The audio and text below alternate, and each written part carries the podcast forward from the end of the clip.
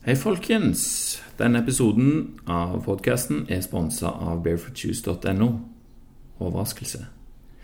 Få med deg eh, noe Paleo Crunch energibar energibarer derfra. Helt rå eh, snackbar der, som er bare normal mat inni, ikke noe pulver. Eh, utenom i de nye Recovery Bars, der er det litt erteproteinpulver. Jeg vet ikke så mye om akkurat det, men de andre de har iallfall bare eh, dadler, mandler eh, og frø og havsalt og sånne godsaker oppi. Så test det ut. Er skikkelig gode. Du får 5 for 100, eller 5 for 90 hvis du bruker rabattkoden inne på barefootjuice.no nå. Eh, fremdeles masse gode tilbud på både Innovate og CrossFit Rebook klær og sko. Eh, Five Fingers, det vil det alltid være i butikken. Høsten er jo nå på full, eh, på full, vei inn, så det kan være lurt å kanskje få med seg et par Five Fingers Lontra. Det er jo den modellen som er litt mer polstra, holder på varmen bedre og holder òg eh, vannet ute litt bedre. Du blir jo våt, men eh, det er ikke så, så gale som disse helt tynneste KSO, f.eks. Um, litt stivere i sålene er de òg, men jeg liker de fremdeles bedre enn en vanlige sko uansett. Uh, husk òg å få med deg rabattkoden Steinaldermann på slutten der, så får du 10% rabatt på, på hele ordren din. Uh, gjesten i dag det er Pål Jåbekk. Han var også gjest i episode nummer tre. Uh, veldig kjekke fyr å snakke med, og han vet jo veldig mye godt hva han snakker om. Han er jo en sånn nøyen person. Uh, så vi har snakket litt om søvn, bl.a., og en spennende challenge der som vi oppfordrer alle til å, å være med på. Snakket litt om eskimoer, hvordan fikk de seg C-vitamin f.eks. Uh, hvis du er interessert i å høre mer om sånne temaer, så anbefaler jeg at du sjekker ut Den lille måneds høstkonferanse som går av stabelen i Oslo 15. og 16. november. Jeg skal til iallfall. Eh, og få med meg massevis av interessante foredrag og spise god mat. Pål Jåbøk skal være der, han òg. Thomas Rode Andersen, den danske Michelin-kokken som kjører crossfit og paleo-style. Ken Halstensen og rett og slett Det er bare to fulle dager med foredrag av diverse eh, temaer. Eh, det kan du sjekke ut på lillemåne.no, eller hvis du, hvis du, bare søker på høstkonferanse 2014 på, på Google, så, så, tipper jeg at det kommer relativt eh, greit fram. Men nå setter vi over til Pål Jåbekk.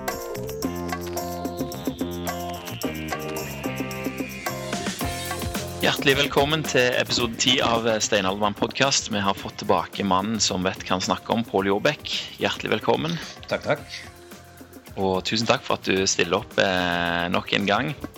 Ikke noe problem. Det var så, var så, gøy sist gang, så. Ja, det er godt å høre. Det er godt å høre.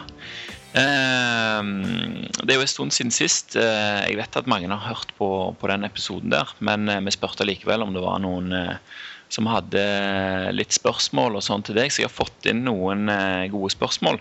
Men de beste de kom jo, eh, kom jo du med sjøl, da. Ting som du tenkte å, å snakke litt om. Ja.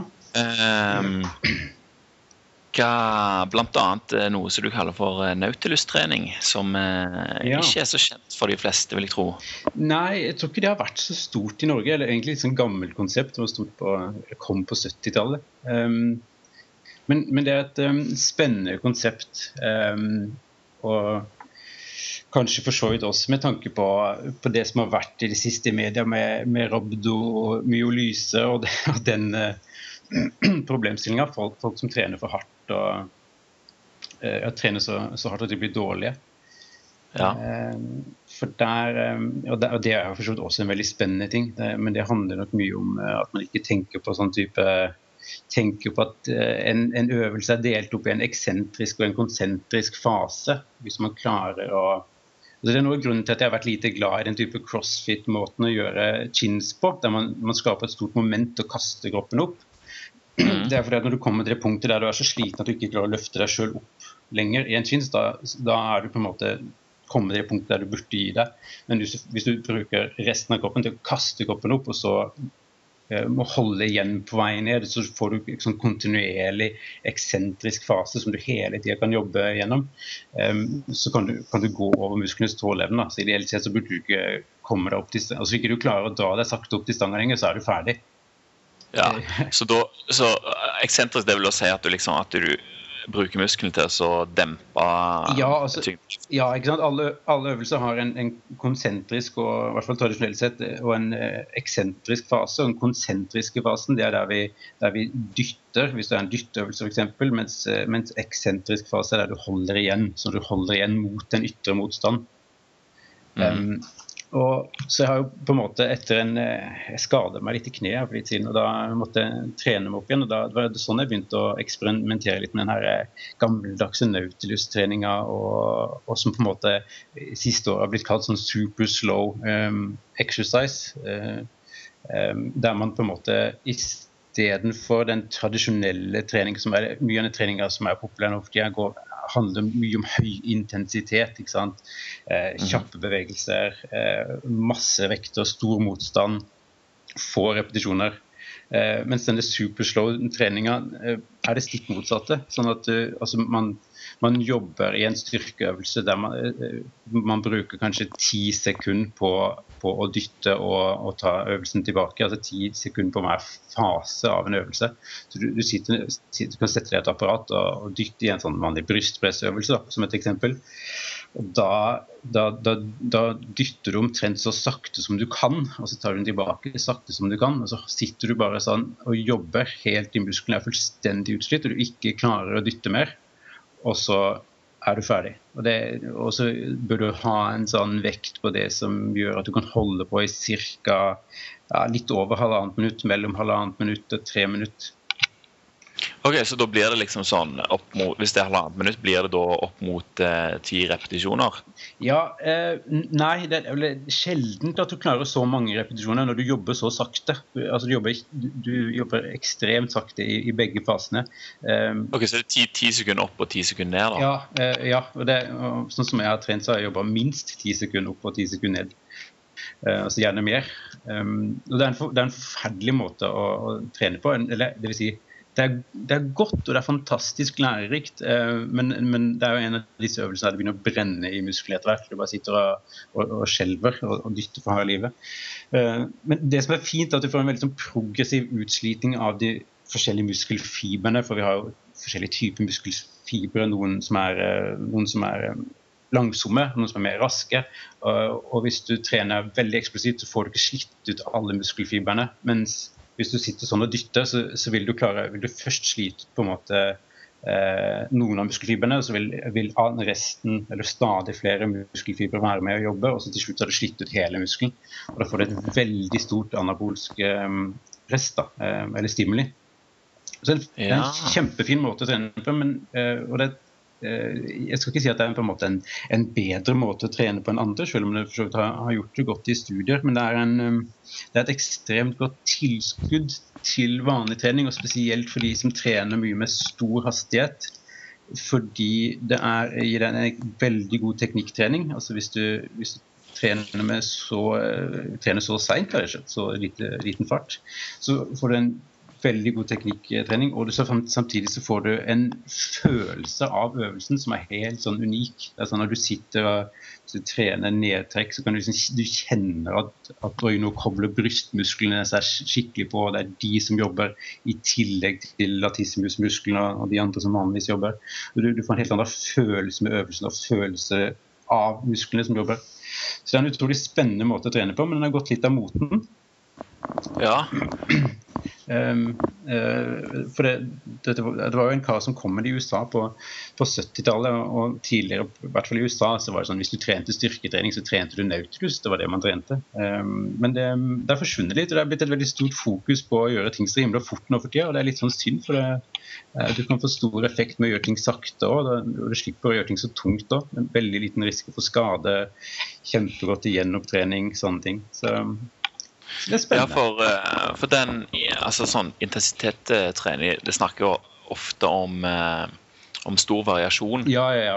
Og, og, så mm. dette vil jo være ypperlig å å dytte inn i det, da. Ja, det er nettopp det. og Det, er jo et, eh, det var jo noe som han, han som startet den treningen, Arthur Jones, også var veldig opptatt av. Dette med variasjon. At ikke du ikke trener på samme måte hele tida. At, du, at du, du, treninga må være litt sånn usystematisk for at du skal få et stort eh, press på musklene. Du må alltid ha variasjon.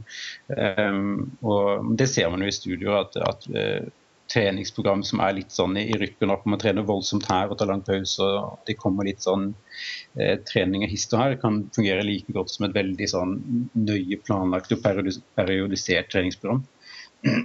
Så man, man trenger å variere treninga. Og hvis man er vant til å trene mye med stor hastighet og høy motstand, så vil jeg anbefale at man tester ut litt eh, lav motstand og, og, og, lav hastighet, rett og slett, som et, eh, som et tilskudd til treninga.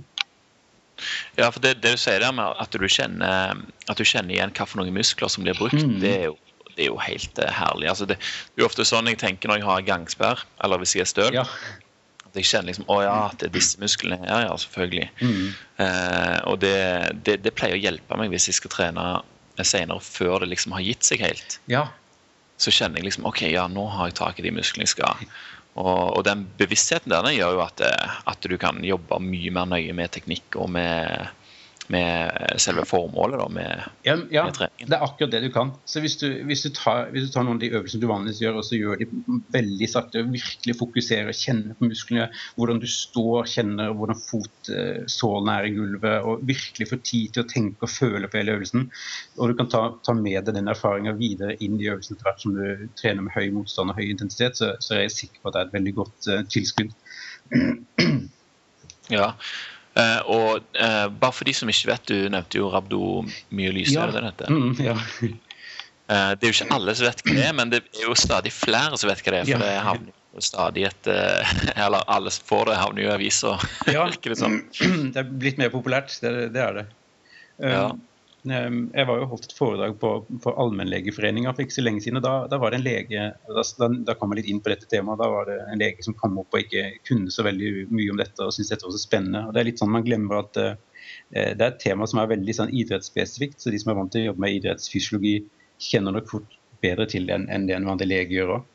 Men, uh, ja. men, det går jo ut på at, du, at man, kan, man trener en muskel eller muskelgruppe så hardt at den, den, begynner å bryte seg sjøl ned, rett og slett. Stress, stresset blir så stort at den begynner å skille, altså, gi fra seg muskelproteiner. og da, da sender den rett og slett så mye eh, eh, myoglobin, heter det muskelproteinet, som, som, den sender ut eh, eh, og gir fra seg. Sender ut så mye at eh, nyrene blir helt overvelda. For nyrene tåler ikke noe særlig proteiner. Eh, så når, når, blodet blir fullt av, disse proteinene og det går til nyrene, så kan du få nyresvikt. Så Det er det som er det store problemet. Det er ikke det, er ikke det at, at, musklene på en måte kvitter seg litt med protein som er, som er, farlig, det er det at, at det må gjennom nyrene, og nyrene kan svikte. og Da, da kan det gå skikkelig galt.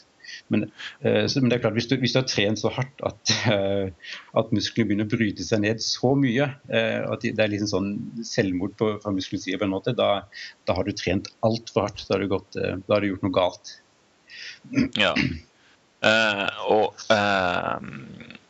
kan vi liksom sammenligne det litt med kjøttsaft? At det er kjøttsaft rett og slett som eh, Ja, jo, men det er jo på en måte det. Altså, det er rett og slett eh, muskelproteinene som bare blir skilt ut i blodet. Så da, eh, Et sånn typisk tegn er, jo at du ser på urinen at den er helt sånn blodfarga eller litt sånn mørk. Den blir veldig mørk. Og da, da, ja. da, står du rett og slett og tisser ut dine egne muskler. og Det er et, det er et stort faresignal. Hvis det skjer, bør man komme seg på legevakta ganske kjapt. Ganske kjapt, ja. Yes. Uh, jeg, eh, jeg, husker jeg snakket med en som fikk uh, rabdo, og når legen uh, fant ut at det var det, da, så ble han veldig overrasket, for det hadde aldri han opplevd at noen hadde fått ved hjelp av trening. Nei, ikke sant? så det er jo helt tydelig at dette kommer hånd i hånd sammen med intensitetstrening. Da. Ja, det gjør det. Som er og, og, så har det jo blitt liksom, Man har spesielt snakka om det i forbindelse med crossfit, fordi man, man har en sånn tendens i crossfit-miljøet til å på en måte bygge opp under dette med å eh, slite seg ut maksimalt. Og, og, uten at det i seg sjøl er galt, men i noen øvelser så må man passe på dette med at hvis du, eh, at du kan eh, F.eks. sånne pullups eller chins-øvelser. Der kan du hvis, du, hvis du bruker hele kroppen til hjelp, så kan du bare ødelegge armene dine. Um, du får ikke rabdo av å, av å løpe til utmattelse, uh, men du kan få det av, av noen øvelser. Man må være veldig sånn obs på hvilke øvelser man, man tenker å møte spybøtta med, på en måte. Ja, ja, ja. Eh, så Uh, hva var det jeg skulle si nå? Um, ja, og Spesielt uh, de øvelsene som du bruker momenter på å få Ja, det er akkurat det. For da. Nettopp. Uh, så med en gang du, du kommer inn i sånne øvelser ja, med stort moment, da, da, skal man passe på. Og Det er også noe som, som, som er fint eller med, med, en litt sånn trene litt saktere innimellom. det er at når, når, du er altså du, du klarer ikke å overgå musklenes tåleevne på den på den måten, rett og slett, fordi du, du har ikke noe moment til hjelp. Altså når, når ikke du klarer å dytte mer og løfte vekta mer, så er du ferdig. Og det, det er vanligvis et godt mål, da. Ja, det bør jo være greit, det. For det, fleste. Det holder i massevis. Det gjør det. Ja. Og det er litt sånn, Vi, vi var så vidt innom det forrige gang òg, med, med, dette her med hvor, hvor, mye skal du trene egentlig, og hva er det du trener for. Ja. For uh, nå trener jo de fleste som, uh, som toppidrettsutøvere. Ja, det er jo nettopp det, ja. Um, vi har jo en tendens til å forherlige eller på en måte å se opp til de som trener på en måte hver dag og så og så mye. Um, men, um, men, det er en helt uh, det altså Jeg har ikke noe imot at folk har trening som en hobby. det er en fin hobby, det, men det er, man må alltid huske på at det er, det er lett å overdrive. og hvis det er helse som er målet, så, så er det antagelig sånn at du ikke bør trene hver eneste dag engang. Um, ja. og da, da, da, kommer man inn på sånne ting som restitusjon og hvile og stress og avslapping og søvn, og, som blir viktigere enn trening, rett og slett.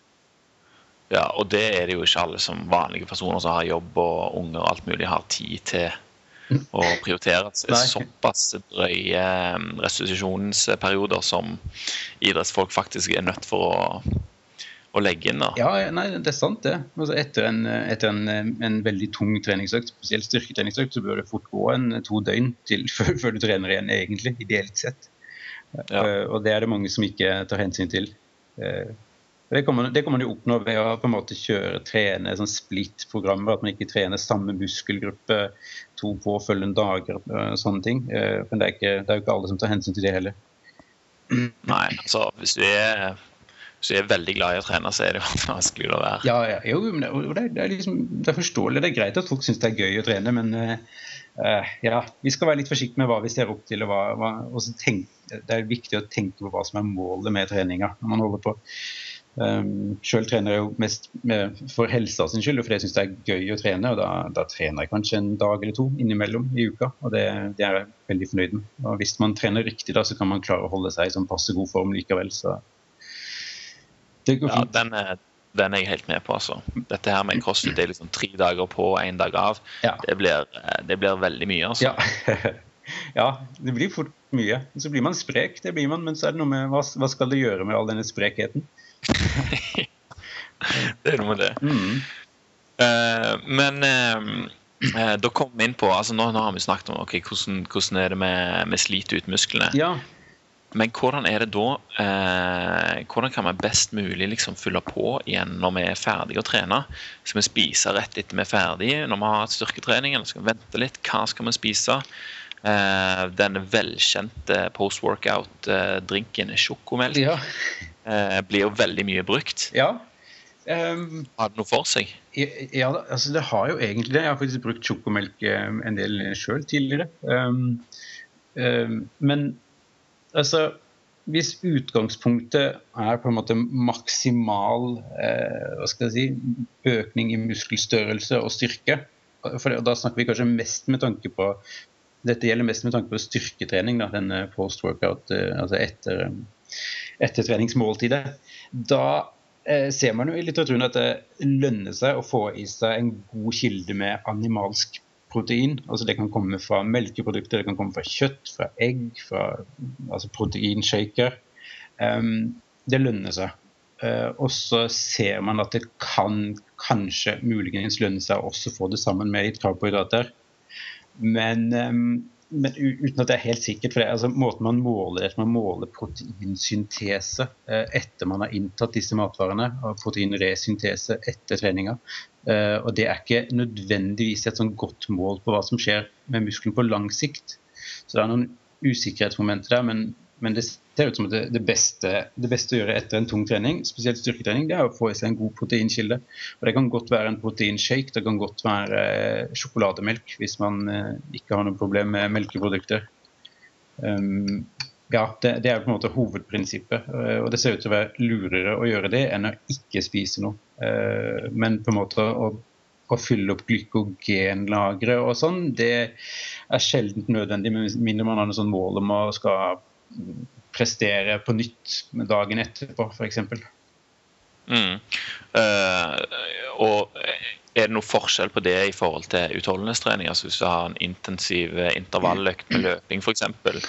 Ja, eh, det ser jo egentlig ut som at man etter en intensiv utholdenhetstreningsøkt også kan dra fordel eh, av å innta litt, en, en god proteinkilde. Um, men, eh, men, det er først og fremst når økta er ganske intensiv, at du har slitt ut musklene skikkelig. Eh, også da trenger musklene å få nye proteiner til. Men det er ikke mye det er snakk om dette. Det er ikke sånn at man må hive inn på, men det ser ut som det kan lønne seg. Eh, mm. Og så er det litt sånn at hvis du, hvis du, skal ha på en måte en ny intervall, tung intervalløkt eh, dagen etterpå, så kan det også lønne seg å fylle opp glykogenlageren litt. Eh, men det er noe med, der, der, er det også forskjell på om du, om du trener for helsas skyld eller toppidrett. Mm. Hvor, hvor, eh, mye liksom, eh, hvor mye trenger du for å fylle på? Glykogenlageret? Ja. Ah, det er ikke mye, det er egentlig bare et par måltider. Så, eh, Ser det på plass? Ja, det er, stort, det er stort sett det. kommer, kommer for så vidt også litt an på hvor, hvor fulle glykogenlagrene dine er. Eh, i utgangspunktet. Om, om, du får aldri tømt de helt, de blir aldri, aldri helt tømt. Kroppen produserer glukose sjøl og, og, fyller på litt sånn hele tida. Eh, men, um, men, vanligvis, da, hvis man, hvis man, sånn, eh, hvis man driver med utholdenhetsidrett og skal ha en sånn dag med eller på en måte carbe up før, eh, før, et løp eller før en prestasjon, så setter man ofte av en dag der man øker karbohydrater karbohydratinntaket mye. Det er en dag med, med, en god del mer karbohydrater og, og mindre trening, da, sånn at man får uh, fylt uh, lagene maks. Og det, La, lader deg opp, rett og slett? Ja. Og, det, og det, kan, det, kan, være en nyttig strategi i noen øvelser. Uh, men det kommer helt an på hvilke øvelser det er snakk om. Ja, det er klart. Yes. Uh, på Uh, du, du, nevnte òg noe her om Eskimo-kosthold. At du har liksom ja. undersøkt det det siste. Eh. Det er jo en uh, interessant uh, diett de går på. Ja, det er jo det. Um, jeg, og jeg har jo på en måte Jeg slår jo stadig et slag for, for dette paleo-kosthold og har snakka litt i foredrag om på en måte inuittene, eller eskimoene som man kaller de Um, for Mye av de, av de, dataene som man bruker og baserer seg på når man snakker om paleokosthold, er observasjoner som kommer fra, fra inuitter. Um, så, men så har det på en måte kanskje oppstått en litt sånn myte om at uh, inuittkostholdet var så ekstremt høyfettkosthold uh, hele tida. Altså veldig, veldig lavkarbo uh, og også lite proteiner. Men uh, det ser ikke ut som det er så vanlig, eller var så vanlig da de spiste tradisjonell mat, at de spiste så mye fett som, som man uh, skulle ha det til. Um, og, og, det har litt å si, Man hadde et sånt forsøk som ble gjort på 30-tallet, uh, uh, som på en måte ofte blir referert til, da det var et par sånne oppdagere som ble satt på satt på et inuittkosthold. og Så skulle man se hva som skjedde, og se om de ble noe syke. Eh, eller Egentlig lurte man på når, når de fikk ulike vitaminmangler, og sånn, men det, det, kom jo aldri noe. Men i det forsøket så, så spiste de sånn ekstremt høyfettkosthold. Eh, veldig lite karbohydrater og veldig lite protein. Eh, men så har det kanskje folk tror at dette var standarden for, for et inuittkosthold, men det, det, ser ikke ut til å stemme, for det, de, de få dataene man har da, fra litt historisk viser ofte at, eh, at inuittene kunne ha et eh, proteininntak på godt over 40% ja, Og det er ganske okay. høyt. Eh, og ofte var, karbohydratinntaket lavt, men samtidig så så fikk de også i seg mye glykogen, bl.a. Fra, fra huden til noen hvalarter og sånne ting som de spiste, der det var, der det var litt glykogen. Um, men, uh, men, fettinntaket kunne lå ofte på sånn mellom 40, 40 og 50% og Det er ikke så veldig høyt. Det er ikke det man kaller et sånn LCHF-kosthold nå til dags. Um, uh, og det Eh, det er egentlig bare litt sånn Dette er jo sånne ting som jeg sitter og tenker på, som jeg syns er spennende. Jeg vet ikke hvor spennende andre syns det er, men, uh, men, men erfaringa er kanskje at man, man tror at inuittene alltid hadde et sånn veldig høyfettkosthold. Uh, og de, de, var glad i fett, og de er stort sett glad i fett ennå. Men samtidig så spiste de også mye proteiner. Veldig mye proteiner. Det tror jeg man skal ha i bak bakhodet. Det er, ikke sånn, det er ikke nødvendigvis sånn at man skal være redd for å få i seg mye proteiner. Og det som skjer også når du spiser mye proteiner, det er jo at uh, en del av det blir gjort om til glukose, til, til sukker. Og mm. Som også gjør at du ikke kommer i noen sånn særlig ketose, at ikke du produserer så mye ketonlegemer. Uh, så Inuittene levde på ingen måte på noe sånn ketogent kosthold sånn uh, generelt, ser det ut som. Ok, ja, ja. For du har disse ekstreme lavkarbo-folka som kjører liksom 80 eh, fett ja. og så litt protein og litt karbohydrater. Mm. Men eh, ja, det er jo selvfølgelig forskjellig da, hvordan folk takler det her, men det er jo tydelig at eh, For jeg tenker òg det på sånn Altså når du får en hjorteskrott ja så er det jo ikke altså Prosentmessig det er jo ikke mye fett. Nei, ikke, på, på ville, ville, dyr så er det ikke det. Um... Ville dyr, altså Én ting er jo hvalross og hval, og sånn, de har jo veldig mye spekk. Ja. Uh, så det, det, har jo ikke vi så mye her rundt dørene. Nei, og, og, men, uh, men, vi levde jo her med på den tida, og da var det vel mye, mye protein. altså Det må jo ha vært det. Ja, det har nok vært det i store deler av uh, menneskets historie. Og det, det, er jo klart, det er jo, det er jo sånne variasjoner som altså, Der det er kaldt, så er dyra feitere og mer fett på kroppen. Og da blir fettinntaket også høyere hos befolkningen som bor der. og Det, um, det er naturlig.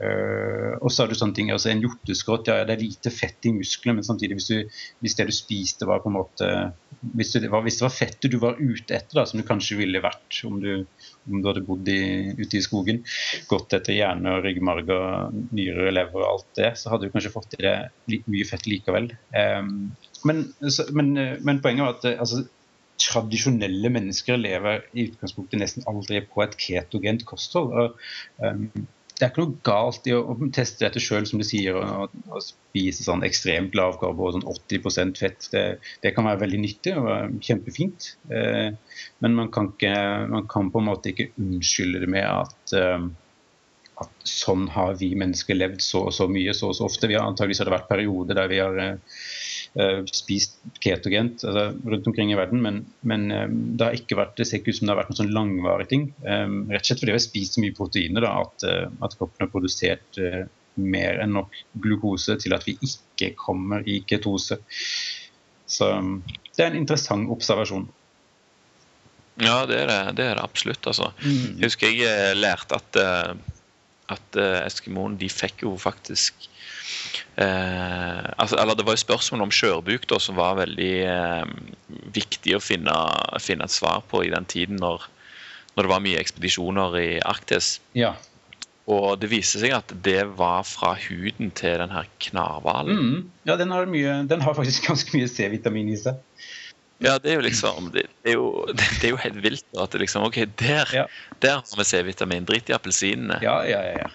Ja, og det er jo det, er jo også sånn altså hvis du spiser et sånt kosthold som de spiser, så trenger du så lite C-vitamin nå. og Det er også interessant. for Det, eh, det, det er noe med, er noe med um, sukker og C-vitamin som um, nå må jeg, Dette merker jeg at det var lenge siden jeg hadde lest om. Men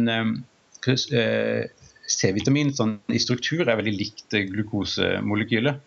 Um, det er et eller annet med at et høyt sukkerinntak uh, rett og slett vil gjøre at du trenger mer C-vitamin forbruker med C-vitamin. Så um, hvis det går ned, ja, litt, på, så, ja. litt på samme måte som altså, altså, du trenger jo Eller du bruker magnesium for å fordøye sukker. Ja, det, det, er litt sånn, ja.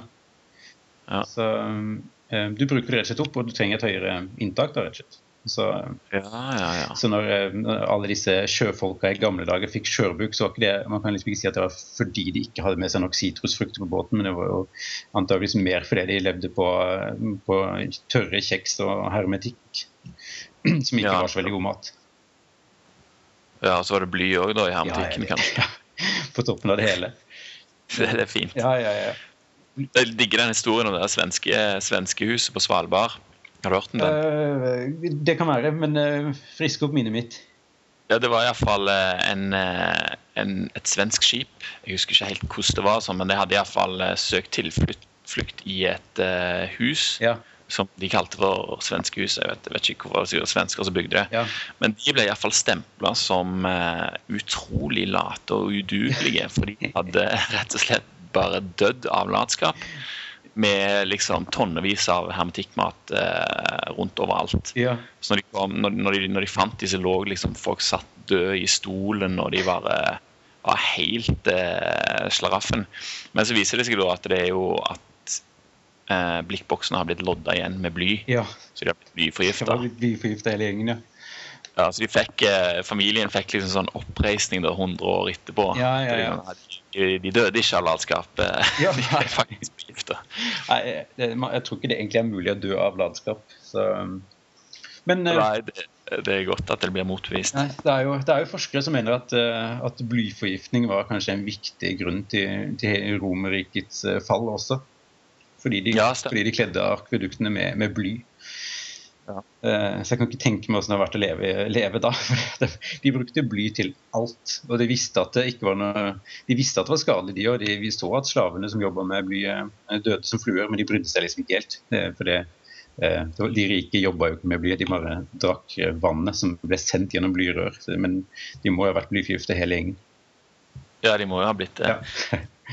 Men det er jo litt sånn i dag òg, så vet vi jo, eller i hvert fall veldig mange vet jo at sukker er, er, tar livet av veldig mange folk, men drit i Ja. Eh, ja. det. Er, det er mye av de samme holdningene ennå. Det er det. det, er, det er, altså, men sånn er det med sukker og sånn er det med røyk. og sånn, altså, Det er mye vi vet er skadelig, men det betyr ikke at vi holder oss unna det helt. Nei, det, det er nettopp det. Og det som da blir enda mer interessant altså For én ting er jo liksom helse til, til kroppen, liksom, hvordan musklene og alle funksjonene her virker. Men eh, vi har jo andre ting også som spiller inn, bl.a. Eh, mental helse. Hvordan det blir påvirka av det vi spiser. Mm, ja, absolutt. Det er jo eh, det, og det tror jeg er sånn et av disse feltene som, er, som, som jeg håper kanskje kommer til å, til å ta litt mer av i, i, i vitenskapen, og spesielt vitenskapen rundt ernæring. For det har vært eh, hvis, man, hvis man på en måte driver og leser vitenskapelige artikler om sammenhenger mellom ernæring og mental helse, så er det ennå altfor lite litteratur på det. Det er vanskelig å finne ting. og Du må, liksom, du må grave deg ned i sånne obskure gamle artikler for å finne det omtrent. Eh, så, så har det begynt å komme mer og mer, men, eh, og det er kjempefint. Men jeg håper det tar enda mer av. Eh, eh, Ja, for én ting er iallfall sikkert at eh, mentale lidelser er jo på frammarsj. ja, det er de. Demens, kjempemasse demens. Alzheimers og, parkinson. Og, og, der, vet man at kostholdet spiller en viktig viktig rolle. Man er, man er helt klar over det. Og, og man ser det på en måte med sånne de- degenerative sykdommer. Man ser det også med, med, med tilstander som, som autisme, f.eks. At uh, kostholdet kan ha masse å si. og eh, det, det, er, det er spennende. Det som er skummelt, er at det er så få som er klar over hvor viktig det egentlig er. Um, problemet er kanskje at man har sånn vi har hatt en sånn tradisjon for å tenke at kroppen ikke inkluderer hodet, og på en måte eh, kroppens kjemi ikke er eh, den samme som hodets kjemi. Men det, sånn er det jo ikke. altså Alt som skjer i kroppen din, skjer i hodet ditt. og Det blodet som går til musklene dine, det går til hjernen din òg. Um, og eh, så har du, har du noe i blodet som, som kan skape betennelse eller komme gjennom blod-hjerne-barrieren, som ikke skulle vært der. så så, så sliter du, og så, så får man mentale problemer. Og Det er jo eh, altså det, er, det er så lett å endre på altså man, du, kan jo bli, du kan bli fullstendig sinnssyk bare av å ha en, en alvorlig mineralmangel. Eh, og, og vi, vi manipulerer jo eh, men, altså, psyken vår til daglig vi tar medisiner, og vi påvirker sinnsstemning og tanker og følelser. og så glemmer vi at sånn, alle tanker og følelser og alt som skjer i hodet, er er, det er kjemi, og det er fullstendig, og derfor også fullstendig avhengig av maten vi spiser, som, fordi maten vi spiser da påvirker kroppens kjemi. Og hormonnivåer, eh, nivåer av ulike inflammasjonsfaktorer, og sånne ting. Ja, for det er vel, det er vel bunn og grunn, det er jo hormoner det går i. Ja. Uh, liksom trigger de rette, de rette hormonene hele veien. Ja, det er, det er jo Også, det. Ja, så går det i dass hvis du, hvis du over lengre periode ikke klarer å Eller at dette her blir skjevt fordelt. Er det sånn det Ja, jo, noen ganger ser det ut som det er litt sånn at eh, over, hvis det går over en lang periode, så går det galt. Men, mens andre ganger ser det ut som det bare, altså det er, at det er mer sånn akutte reaksjoner som er der. Hvis, hvis du spiser sånn eller du mangler dette i maten, eh, så, så skjer dette med hodet ditt, og, og det kan endre seg fort. Men hvis du har, du har sånne sykdommer eller, eh, sånn som ME eller kronisk utmattelse, som er sånn eh, merkelige tilstander, men som, som, på en måte oppfører seg som en sånn siste dråpetilstand. Der bare kroppen har blitt dytta så langt at bare, det skal bare en liten ting før den konker helt ut.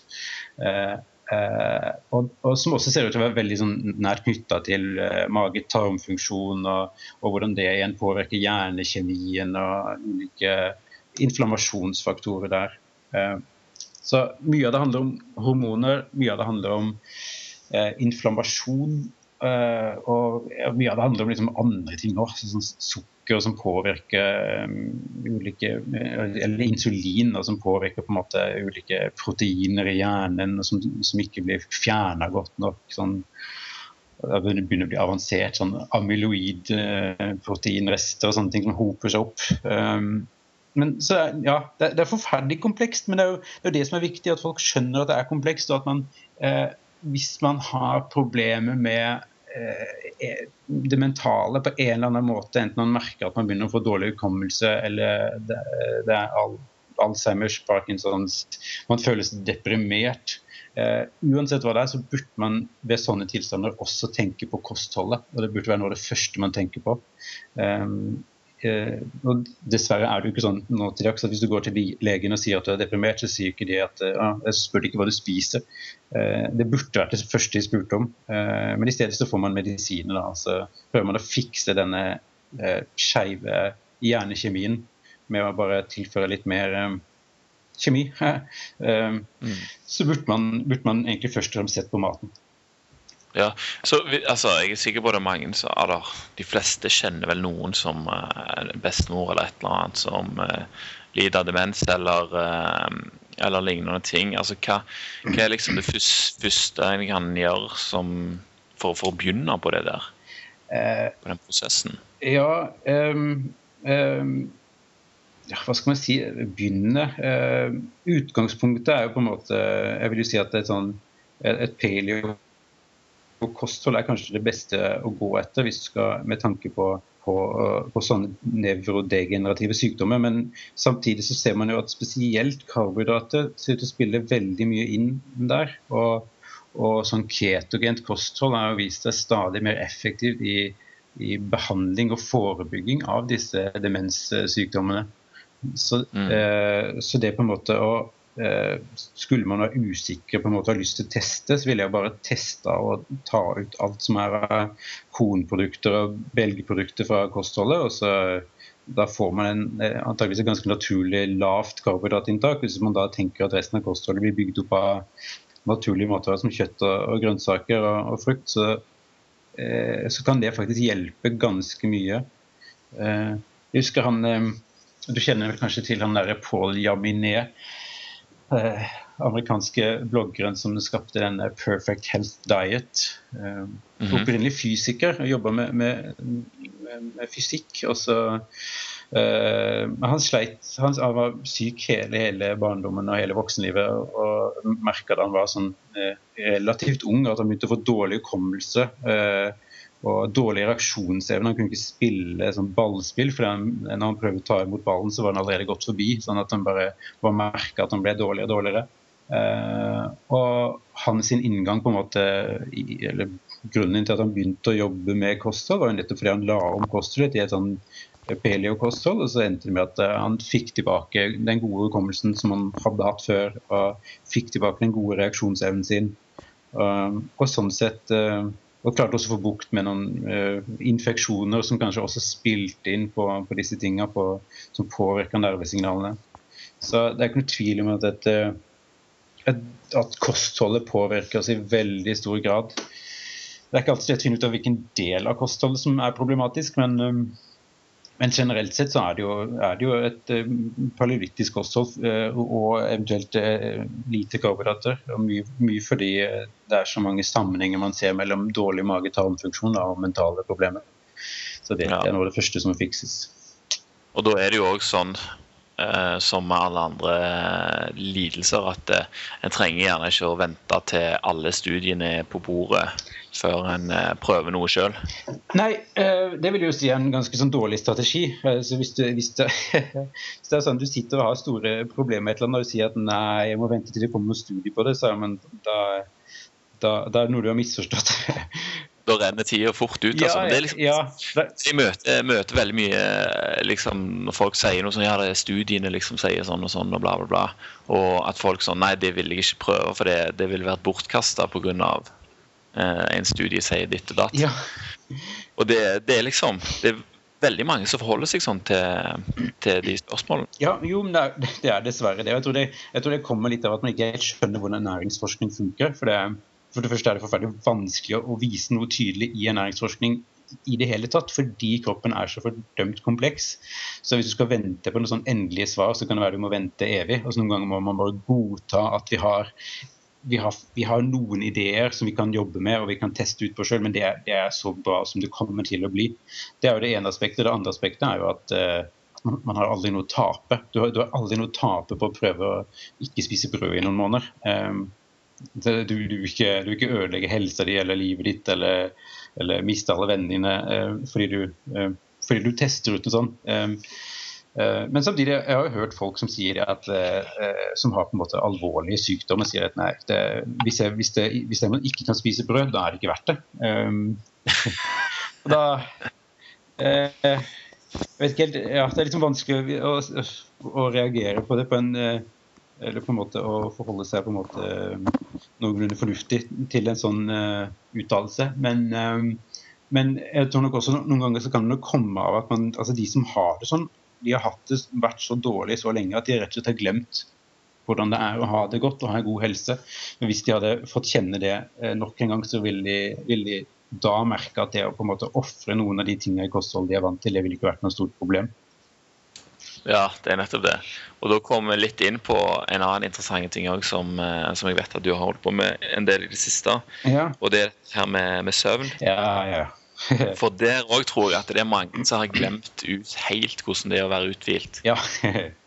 Eh, jeg, jeg, har glemt det helt ut nå de siste par årene fordi jeg har hatt små unger. Ja. Men nå i det siste så har jeg begynt å sove, og jeg er jo en helt annen person. Ja, er det ikke godt? Det er helt, helt fantastisk. Ja, ja, det er, Søvn er jo kjempespennende. Og, og, og døgnrytme, da, spesielt. Eh, det er interessant nå når vi har lys overalt, ja. og vi jobber turnus og natt og kveld og ettermiddag og alt det der. Ja, ja, ja. Og det, for det, altså som du nevner, det, Turnus er jo noe som man har sett i medisinske forskninga alltid, så lenge det har eksistert turnustjeneste. Så man har sett at Jobber du skift, jobber du nattevakt, så har du ganske mye høyere risiko for alle mulige sykdommer. Mm, og da snakker vi hjertesykdom? Ja, det er alt fra hjertekar og diabetes til kreft og det ene og det andre. Altså, stort sett alt går galt hvis du jobber eh, nattevakter ganske lenge. Og det er rett og slett fordi at da er du ikke i eh, synk med, med, resten av opplegget? Ja, ja, men da jobber du på en måte imot din egen biologi og din egen biologiske arv. Eh, noen dyr er nattaktive, noen er det ikke. Vi mennesker er ikke, ikke nattaktive i utgangspunktet. Uh, vi kan tøye grensene hvis vi absolutt må en lørdagskveld, men Ja, altså, vi, kan men, tøye, vi, kan jo tøye, grensene litt, eh, men eh, det er ikke altså, Hva det jeg hørte om et forsøk der man hadde latt forsøkspersoner sove seks timer, seks timer om natta i elleve netter sammenhengende. Så, sånn at, og Da tenker man at åtte timer er sånn mer nærmere optimal mengde. Så de, så de, ble, de mista på en måte litt søvn da, hver eneste natt. Seks timer mm. totalt hver natt skulle de sove. Og Da så man vel i slutten av perioden at da presterte de eh, like godt i kognitive tester som om de hadde gått en hel natt uten søvn. Okay. Så, altså døgna helt. Og allerede, altså Går du ett døgn uten, uten søvn, så, så, går prestasjonen din på alle mulige kognitive tester rett ned. Men den bare stuper. Jo lenger du går da etter uh, uten å sove, jo, jo dårligere går det. Um, på, så ser man, man ser også at bare, bare en natt uten søvn gjør at sånne ulike inflammasjonsfaktorer, sånne, sånne interleukiner, ja, sånne morsomme stoffer, bare skyter i været. Um, så du, du, blir på en måte bare, du blir betent bare av å, en, av å ikke sove en natt. Jeg tipper det er ganske mange der uh, ute som uh, ikke har særlig mer enn seks timer. Ja, nei, Jeg tipper nok det er ganske vanlig. Og det, Det som er synd nå, at du hører ofte du hører liksom folk som uttaler seg i media, litt sånn der eh, perfekte mennesker som har familie og trener så og så mye og sier at de er klare med, fire timer søvn om natta. Donald Trump er ute i USA og sier at jeg trenger ikke sove så mye, sove fire timer det holder massevis, bare kjør på. Men de gjør jo ikke det, vet du. Eh, for det første så eh, vil jeg nok tippe at mange de bruker ganske mye kunstig stimuli for å holde seg gående. Ja, nettopp. Det, I USA er det jo helt vanlig. Ja, ja, ja det, og det glemmer vi jo. og, så, og så, så, går jo folk på smeller, og de krasjer, og det, og det, går galt. og De er villige til å ødelegge kroppen sin. Det er jo egentlig det det handler om. Noen er rett og slett villige til det. Eh, men søvn er Altså eh, jeg, jeg, hørte Jeg er litt sånn Jo mer jeg leser om dette, jo, jo, mer enig blir jeg på en måte i Jeg tror det var Rob Wolf som sa en gang at eh, hvis bare alle kunne begynner å sove nok, så, så, er det ikke så farlig med alt dette glutenet alt dette korn. Det er liksom, det vil være viktigere om bare alle sov nok, som med tanke på folkehelsa. Ja, ja, for du, du er mye bedre i stand til å takle eh, det andre, da, eh, tenker en på? Eller ja. at det er så mye viktigere enn gluten, rett og slett? Begge deler, egentlig. At det både gjør deg eh, mer i stand til å takle skadelige stoffer i maten, faktisk. Eh, at du får en litt mer sånn optimal fysiologi. Og, eh, men, men, også fordi det, det påvirker helsa så, så, utrolig mye, rett og slett. Um, så søvn er jo viktig, og folk glemmer jo på en måte hva um, det, eller, det, det, er flere aspekter. Det handler jo ikke bare heller om å sove et visst antall timer. Det er sånn um, du har dette med at, du, at du, du, kan våkne opp og, og sove et visst antall timer. Du kan, føle, du kan sove åtte timer og du kan føle deg opplagt. Du kan sove åtte timer og føle deg fullstendig utslitt. Eh, så, så det, det, handler ikke bare om lengde, det handler om kvalitet og det handler om, om disse døgnrytmene. Og De driver vi og forstyrrer som, som bare juling nå for tida, med at vi har skjermer på eh, som eh, lyser oss i trynet hele kvelden. og Eh, ødelegger på en måte, Som i seg selv er nok til å ødelegge døgnrytmen vår, faktisk. Eh, mobiler, PC-er, TV, sånne ting før vi legger oss. Ideelt sett så burde vi antageligvis bare slå alt når klokka blir åtte, og så lese en bok. Jeg skal love deg at da hadde mange begynt å legge seg klokka ni. Oh, ja, ja, ja. det, det, skjer jo automatisk. altså Du begynner å produsere melatonin med en gang lyset forsvinner, og da blir du trøtt. Ja, man blir det. Så, eh, det er jo så enkelt. Ja, ja, ja. Og er, hvis man sliter med på en måte søvn og føler seg altså, nå, nå, kommer jo på en måte, nå kommer vinteren igjen, og så kommer det en ny bølge med vinterdepresjon, og folk syns det blir så tungt når det blir, når det blir så mørkt. Men det, det folk burde teste ut av det hvis de sliter med dette. Det er å bare eh, begynne å eh, skru ned lyset om kvelden. Gjør det mørkt, gjør det litt kaldere. Ikke spis mye mat seint. Eh, spis siste måltid kanskje tre timer før du legger deg, sånn at du får god tid til å mm, fordøye. Ikke bruk noe mobil eller PC eller noen ting av sånne kunstige skjermer eller kunstig lys siste to-tre timene før du skal sove. Så kan jeg love deg at bare, da forsvinner hele hele vinterdepresjonen. Eh, det kommer til, å, til å gå helt fint. Eh, det er jo det er de færreste som får prøvd disse tingene. Eh, det er som du sier, Vi holder oss våkne kunstig lenge fordi vi nå for tida kommer hjem, setter oss på sofaen om kvelden og så er vi kjempetrøtte. og Kroppen sier egentlig at vi er så trøtte at vi burde gå og legge oss, men fordi vi har TV og sånn underholdning som bare kan gå og holde, fortsette å underholde oss nærmest til det uendelige, så, så, går vi ikke og legger oss. Så vi, mm. vi, hører jo ikke etter Eller vi lytter jo ikke til kroppen lenger heller. Nei, det er nettopp det. Uh, og, og, det som òg eh, er et poeng, er dette, dette med turnus. Sånn, altså, ok, Jeg kan godt sove åtte timer hver dag, men hvis den søvnen skjer midt på dagen, så er faktisk ikke det det samme som at den er på, på natta i forhold til produksjon av eh, veksthormon og testosteron. Ja. Stemmer ikke Jo, det stemmer jo. Du, du, du, du, klarer ikke å på en måte få den samme eh, si, optimale hormon, eller det, det optimale hormonmiljøet eh, i kroppen hvis du jobber om, om natta. Eh, det funker rett og slett ikke. Altså, kan, det eneste du kan gjøre, er å gjøre det så godt som mulig. Og som du sier, at du kan, at du kan sørge for å, å, og sove godt på en måte, og hvile mest mulig og sove lenge. Men du vil aldri få de samme type eh, hormonnivåene som en som jobber om dagen og sover om natta. Ehm, så ting, hormoner som du, som du sier der, som, som veksthormoner og, og kortisol og, og, disse hormonene som blir påvirka av melatonin, de, ehm, de blir påvirka negativt da, av, ehm, av, at man holder seg våken om natta, rett og slett. Ja, for, for det er jo det som virker så fjernt òg for, for, folk, at liksom det er om natta vi skal sove, og, og kroppen vår altså Vi bor jo på jordkloden, som har eh, Hele jordkloden har jo en døgnsyklus. Ja. Og det er jo den vi kommer ifra. Ja. Så, men nå har vi jo holdt på så lenge. I hvert fall hele livet mitt så har det alltid vært lys og TV og liksom mulighet for oss å utvide mm. eh, døgnets eh, lystimer. Mm. Men, eh, men, når man da får høre at liksom, nei, det er fordi at vi hører, hører til på jorda, liksom, at det er døgnrytme her, så blir det nesten sånn hippie, eh, ja, ja. i forhold til hva vi er vant med å, å forholde oss til. Jo, men det, jo, men det, det er helt sant. Det, det, høres jo litt, man høres litt sånn hippie ut med en gang man, man snakker om at uh, vi er You gotta sleep, man. ja. uh, det er litt sånn ut og klemme trær og danse en hellig dans. Um, men men, så, men så, altså, dette, er jo, dette er et felt det er mengder av litteratur på, forskningslitteratur, som, som, som støtter på en måte, Alt peker i samme retning og viser hvor usunt det er å ikke sove nok, og hvor stressa vi blir, eller hvor ødelagt vi blir av det. Um, jeg, jeg, tenkte egentlig med nå at man burde jo sette i gang en sånn istedenfor en sånn paleo challenge, sånn 30 day, 30 dags challenge, en sånn sove-challenge der man, der man kutter alle skjermer etter åtte om kvelden, slår av lyset og leser en bok eller gjør noe sånn Altså sånn, Sov åtte timer om natta i en måned. Teste ut, se hva som skjer.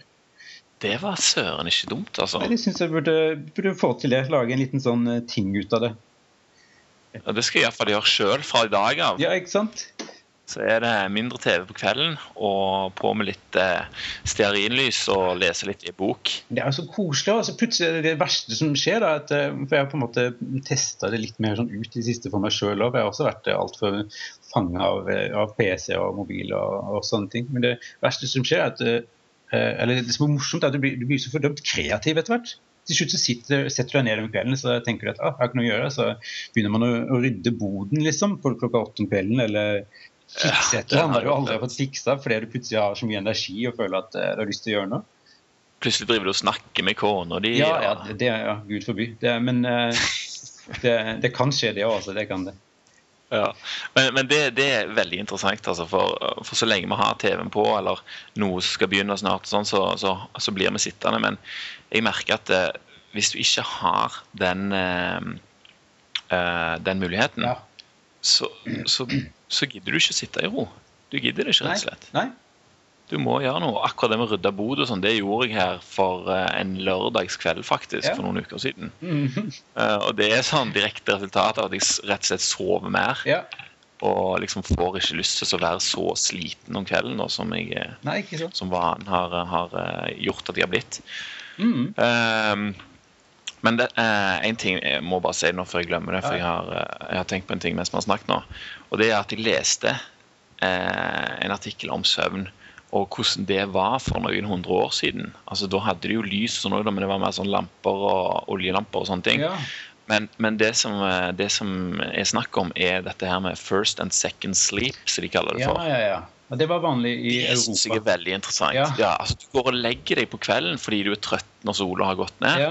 Og så våkner du ut på natta en eller annen gang, våken, og, og, og da snakker vi kreativitet. Ja, det, man gjør det. Man, uh, våken midt på natta et par timer, og så legge seg igjen.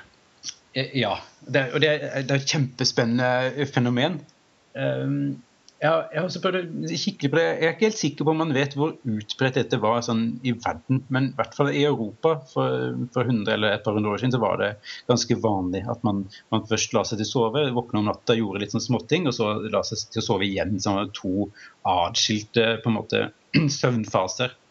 Um, ja, og det som, det som, jeg leste, da var at liksom disse største kunstnerne og forfatterne og sånt, de, de, var i sin aller ypperste kreative periode da på den tida når de var imellom sleeps. Ja, Jo, men, og, og, det er på en måte litt sånn min erfaring òg, at hvis, hvis, jeg klarer å ikke være stressa og er sånn passe uthvilt om kvelden eller om natta, så blir jeg forferdelig kreativ. Det er liksom da jeg må ha en skriveblokk og en blyant liggende, sånn at jeg kan notere ned ting og eh, ta tak i ting.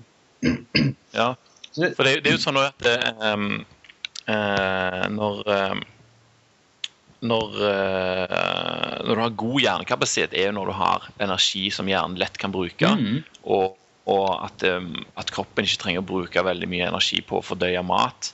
At du er på en måte litt sånn uh, litt i faste, da. Mm. At det da blir veldig lett for hjernen å jobbe. Ja, nok, ja, jeg tror nok det. Og Det er nok mange som har en ganske god fettforbrenning også da, med, på natta eh, etter å ha fordøyd maten. Og, eh, og spesielt etter du, når du nærmer deg på en måte den tida du vanligvis våkner, så har du en ganske god fettforbrenning som også kan gjøre at man føler seg mer sånn eh, oppvakt og våken i hodet. Så det kan også være, være noe som, som, påvirker, faktisk. Eh, mm. Jeg husker når jeg leste om dette, her, så var det, det, det var når vi fikk vår første sønn. Ja. Og, og det som, det som, var gjort studie på da, her i forbindelse med dette, her, det var hvor uh, mye energi og hvor opplagte faktisk eh, barselmødre var. Altså damer som, eh, som, hadde små barn, som gjorde at hun måtte våkne på natt og mm. ha flere søvnperioder, rett og slett. Ja. Totalt sett førte til at de fikk mer energi. Ja. For jeg forstår ikke hvordan, hvordan damer klarer å holde, holde på så sinnssykt. Mm med, med, så oppdelt søvn, rett og slett. Ja, nei, men, det, ja, nei, men det, det, er et godt poeng. Det ser, ser ut som det, som det, er fullt mulig rett og slett, å, å, være opplagt og sove på den måten. At du må ikke sove sammenhengende. Eh, jeg, mener jeg husker eh, godeste Jared Diamond, eh, eh antropolog, han vel kanskje egentlig har skrevet en del gode bøker. Han, han skrev en gang om, om sånn reise som han var på på Papua Ny-Guinea. Eh, der folk bare Når de sover om natta, så, så, så hørte han ofte at folk liksom, altså de sovner rundt leirbålet, og så midt på natta så våkner folk, og så sitter de plutselig og prater og holder på med ting, og så, så legger de seg til å sove igjen. Og Det var en veldig sånn naturlig ting å gjøre. Men jeg, jeg, tror det ville være mye lettere å gjøre, mye mer naturlig å gjøre hvis man ikke hadde vært så fordømt utslitt hele tida. Um, uh, det, det, ja. ja uh, hvis vi nå på en måte i vår hverdag skulle prøve å å våkne midt på natta og finne på noe, så hadde vi, vi hadde bare vært stuptrøtte. Vi hadde ikke fått det til om vi hadde prøvd det engang. Så du, du, må på en måte du må, må kaste vekk alle bekymringer og, um, og være sånn generelt stressfri og avslappa. Uh, men da, hvis du er det, så tror jeg det er helt naturlig at du kan våkne om natta og finne på noe, så legge deg til å sove. At det ikke trenger å være sammenhengende, sammenhengende søvn. Ja, ja, for de sier jo eh, alle har vel sikkert opplevd det, så våkner midt på natta, og så får du ikke sove igjen, liksom. Mm, ja. Og da sier jo eh, ekspertene holdt på å si, det at eh, du bør finne på noe å gjøre. Ja. Og så gå og legge deg litt seinere, liksom. Ja. Så det kan jo være at det, Ja, altså med tanke, med tanke, på, ja, med tanke på søvnproblemer, så, så, så, snakker man jo ofte om at man ikke blir liggende i senga og, og, og, på en måte gnage på alle tanker som kommer da. Derfor er det bare gå opp og gjøre noe, og så legge deg når du er klar for å sove. Når du føler deg klar for å sove. Uh, ja. For det, det som er litt interessant òg ja, sa? Nei, jeg tenkte, Det handler også litt om dette med, med, å gjøre senga eller soverommet til et sted der man faktisk sover. At du stiller inn kroppen på søvn når du går inn på mm. soverommet. At du ikke har med på en måte mobilen og PC-en i senga og sånne ting.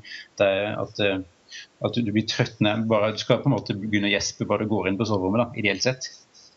Ja. Det skal liksom være mørkt og godt og, ja. Behagelig. og kjølig. Mm. Riktig. Uh, hva var det jeg skulle si i stad? Jo, det var dette her med Jeg husker bare jeg har sett noen sånne grafer om, uh, om døgnrytme og produksjon av, uh, av forskjellige hormoner, altså bl.a. veksthormon. Ja. Det er liksom de første fire timene du sover, det er da du har størst produksjon av veksthormon. Mm. Og, og, det kan jo, Da kan vi se det litt i sammenheng med, med dette her med, med, første og andre soving. holdt jeg på å si. Ja. Hvis du har den første sovingen, fire-fem timer, der du har produksjon av veksthormon. Mm. Er du våken noen timer. Og så er det jo på andre delen eh, av, eh, av natta. Da har du jo høy produksjon av testosteron. Mm. Så kanskje du kan liksom faktisk dele det opp på den måten der, at du tar det i, eh, i økter, rett og slett. Hvert eh, hormon for seg, omtrent. Ja, jo, men det kan, det kan være at det er noe der sånn, altså. Um, og, men altså, dette med, med veksthormon og, og, hvordan søvn påvirker, det er, det er et, et, felt jeg kan altfor lite om, som jeg, jeg, må sette meg mer inn i. Altså. Det, er, det er jo kjempespennende. Ja, det, det, er utrolig interessant. Men i alle fall, det her med, med en 30 dagers sove-challenge, det, ja. det, tror jeg vi må, vi må, jobbe litt for å få folk til å teste. Altså, ja. For det, ja. det, er jo så sinnssykt verdt det. Altså, for det første så slipper du å sløse vekk tid på, på TV. Altså, hvis, du, hvis, du, sitter og kikker på TV, så er jo sannsynligheten for at eh, kanskje 10-15% av den tida er jo til og med reklame. Ja. som er helt bort. Altså. Ting du egentlig ikke har lyst til å se. Uh, ikke har noe nytte av å se. Ja, sant? Så Hvis du begynner å sove mye uh, mer, så er jo ikke det da sagt at du har liksom mindre tid i hverdagen. Du får faktisk mer tid. Ja, ja, så kan du også bli så mye mer effektiv, så du får gjort så mye mer når du først er eh, våken. vet du. Altså, jeg skulle ønske det bare var knipsa med, med fingrene. Ja. Eh, så enkelt er det dessverre. Nei, altså, jeg skal ikke si at det er noe lett å liksom, legge om livet og prøve å, å sove mer, men det er absolutt verst å, å teste hvis man hvis man har lyst. Altså, hvis man er flere som prøver å gjøre det sammen, så, så er det ingen som uh, på en måte kommer til å lure på hva som har skjedd når du plutselig ikke er på Facebook klokka ti eller om kvelden lenger. Da er, ja, ja, ja. man uh, av Facebook alle sammen. Det, ja, det, det, det, det likte jeg. Altså. det var den, den ideen tar vi med oss videre. Absolutt. Ja, ja, ja. Så bra. Uh, nå ser jeg at det forsyner meg. Det har gått en time allerede. Det går veldig fort, altså. Um, det går fort, altså. Men det, det er jo bare å fortsette. Vi kan gjøre dette om igjen flere ganger, vi, for min skyld. Ja, det kan vi godt gjøre for min òg. Eh, en times tid i dag var omtrent det du hadde til rådighet. og Det er jo skikkelig takknemlig for at du tok deg tid til. Altså. For det, det, er så, det, er så, interessant å snakke med noen som, som er så opptatt av detaljer og, og, og riktig forståelse av, av, det vi snakker om, sånn som du er. Eh, ofte så blir det mye synsing. Sånn, jeg vet jeg sjøl leser en artikkel, og så sier jeg liksom ja, sånn og sånn. Men eh, det, det, er godt å få tatt det med, med rotet, holdt jeg på å si, og virkelig bygge opp en forståelse for hva som skjer. Ja. Så, så det tror jeg det er mange som lytter på òg, som, eh, som, kan si seg enig i. Ja, det er jo ja, det er litt sånn den, den følelsen der jeg hadde også en gang i tida. at jeg begynte å bli litt sånn lei av å, synes ting. Det er så mye som er spennende, og så går man liksom rundt og leser man artikler, så, så, prøver man å prate litt om det og synes litt om det, så merker man at jeg kan jo ikke egentlig noe om det. Så det er noe med å bare bestemte meg for å bare prøve å finne hvis, hvis, det er ting jeg lurer på, så må jeg bare finne ut av det. Da må jeg lære meg det. Jeg kan ikke gå rundt og, og, og ikke kunne ting, syns jeg. Ja, og hva er vel ikke bedre da enn at, uh, enn at vi kan laste ned en episode her og høre litt om uh, de tingene som du finner ut. Ja. Det er jo helt, eh, helt, glimrende. Det er jo bra å høre. Jeg skal si ifra hvis jeg finner ut av noe mer. da. Altså neste, Jeg skal fortsette jo, jeg, vet du, så neste ja, ja, altså på, ja, på, på sida di så legger du jo uh, ut uh, disse her uh, sånn oppsummeringsposter en gang iblant. Ja, det, prøver jeg Det er så sykt greit. Ja. Altså, da, da, står det, altså, da har du ikke liksom omformulert alt og skrevet det sånn forståelig for oss, men du liksom sier sånn Dette er sånn og sånn og sånn. Her er det en, en artikkel som handler om det. Så kan du gå inn og lese selve artikkelen. At mm. du slipper liksom å få, få tolkningene hele veien. Ja, ikke sant. Nå har jeg dessverre vært så travel siste tida at jeg ikke har fått uh, lagt ut noen nye poster av den typen. Men, uh, men uh, det er sånn jeg gjør litt for min egen del òg, for jeg sitter sånn jeg ser så mye spennende på nettet og, og leser så mye som er bra. Så tenker jeg liksom hele tida at jeg må bare jeg må huske det. Da, da bare klistrer jeg alt inn i, en, i, et dokument og så slenger det ut på, på nettet i tilfelle noen andre også er interessert. Ja, det, det, er det garantert av det, altså. Så det setter de veldig pris på at du gjør. for du skal jo på høstkonferansen, vet jeg? Ja, det er sant. Det er høstkonferanse i Oslo. I, uh, når er det? Det er november. 15. og 16. november er det. 15. og 16. november, ja. Så da kan vi komme oss og høre. Hva skal du snakke om denne gangen?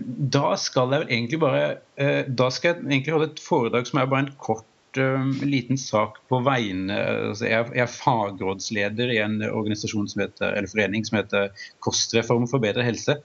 Um, mm -hmm. Så skal holde, holde et lite innlegg egentlig som fagrådsleder der, og da blir det kanskje litt um, helt sikker på hvordan det kommer til å bli ennå. Men det blir litt en snakk om hvordan, uh, hvordan vi egentlig skal jobbe for å uh, faktisk endre ting. altså Endre på, på kostholdsanbefalinger, hvordan, hva, hva, vi skal gjøre for at vi alle får litt bedre helse. Uh, hvordan vi bør jobbe for det. Ja. Så det blir nok noe om det. Det er glimrende. Og på, for de som bor i Stavanger-området, så er det òg 8. november. Skal det være noe der? Ja, det stemmer også. 8. november kommer jeg til Stavanger. Da er det um, Kostkonferansen. Og det tror jeg blir kjempespennende. Uh, der, der, er det fire, uh, fire foredrag. Uh, da kommer um, Erik og Sofie Hekseberg, uh, bl.a. Som, som, begge på en måte har jobba mye med, med lavkarbo og, og, og, kan på en måte mye om kosthold og sykdom og, og den delen. Så kommer også uh, Maiken Pollestad Sele, som skal snakke om økologisk mat og økologisk produksjon. miljø- og helseaspekter og den delen. Og så skal jeg holde et foredrag om rett og slett, Tittelen er vel egentlig 'Hva er egentlig mennesker laget for å spise'? Så skal jeg prate om det, og det blir gøy. Så hvis du er i Stavanger 8.11, så er det bare å komme innom. Slå av en prat. Ja, og, og, dette her, det er link til det her inne på sida di på Pål Pal Jarbekk. Yes, der er det linker til alt sammen. En kjøtteters bekjennelser. Så gå inn der og så få med dere litt sånn gode artikler som, som du leser. Og litt om hva som skjer i i, uh, I livet mitt. i, i, livet ditt, ja, og ikke minst i den her kostreform. Ja, ikke sant. Ja. Mm. ja. Det er masse spennende som skjer fremover, så det er bare å følge med. Uh, og det kommer til å skje enda mer uh, mye annet også. det gjør det. Ja. Det skjer jo bare mer og mer ting og så handler om disse her, her tingene som vi diskuterer. Så det er jo veldig kjekt at det går an å komme en plass og møte andre folk som vet litt mer om samme ting, og så slipper å forklare alle ting fra bånn og sånn hele veien. Ja, ja, ja, ja. Eh, det syns iallfall jeg er, er veldig kjekt. Ja, vi burde jo skapt vår egen sånn eh, nordiske eller norske Ancestral Health Symposium. Lage en paleo-møteplass eh, i Norge. Det hadde vært noe, en årlig event eller noe sånt. Det burde vi fått til. Det kan vel ikke være langt unna at noen Nei, nei jeg vet det ta tak i det. Jeg skulle gjerne ta tak i det, men akkurat det har jeg ikke tid til å sette i gang med i tillegg på toppen av alt annet. Men, uh, Nei, det, det, er noe sånn som Jan fra Lille Måne kan begynne med. Ja, kan, kan, vi ikke sende ut det som en oppfordring? Lage en, uh, lage en norsk eller nordisk, nordisk uh, paleo-møteplass, årlig event. så kommer vi hele gjengen og prater og trener og spiser kjøtt. Det hadde vært noe. ja, det hadde vært fint. Ja. Og litt, grann, eh, litt grann valhud òg, hvis vi har lite C-vitamin. Det hadde vært tøft. Det hadde vært veldig tøft. Det burde vi prøve å skaffe. Ja. I mellomtida så får vi kose oss med 30 dagers eh, søvn-challenge. Ja, så får vi rett og slett bare se hvordan det går, da, og så kan vi snakke litt om det neste gang. Mm -hmm. Det syns jeg vi burde gjøre. Yes, mm. Men da, da har vi iallfall en plan på det. Og så må jeg bare igjen si tusen takk for at du stilte opp og prata litt med meg. Så skal vi legge dette her ut. og ja, bare så hyggelig. Folk kommer med innspill og, og, og sånt på, eh, på, de forumene der det, der det, blir lagt ut. Ja, ja, ja, kom med innspill. Eh, har man spørsmål, så er det bare å stille. Så skal vi Om vi prates igjen, så får vi bare ta det opp. Ja, mm. det får vi gjøre. Ja, ja. Glimrende. Da sier jeg igjen tusen takk, så snakkes vi plutselig. Det gjør vi. Fine greier. Hei. Hei, hei.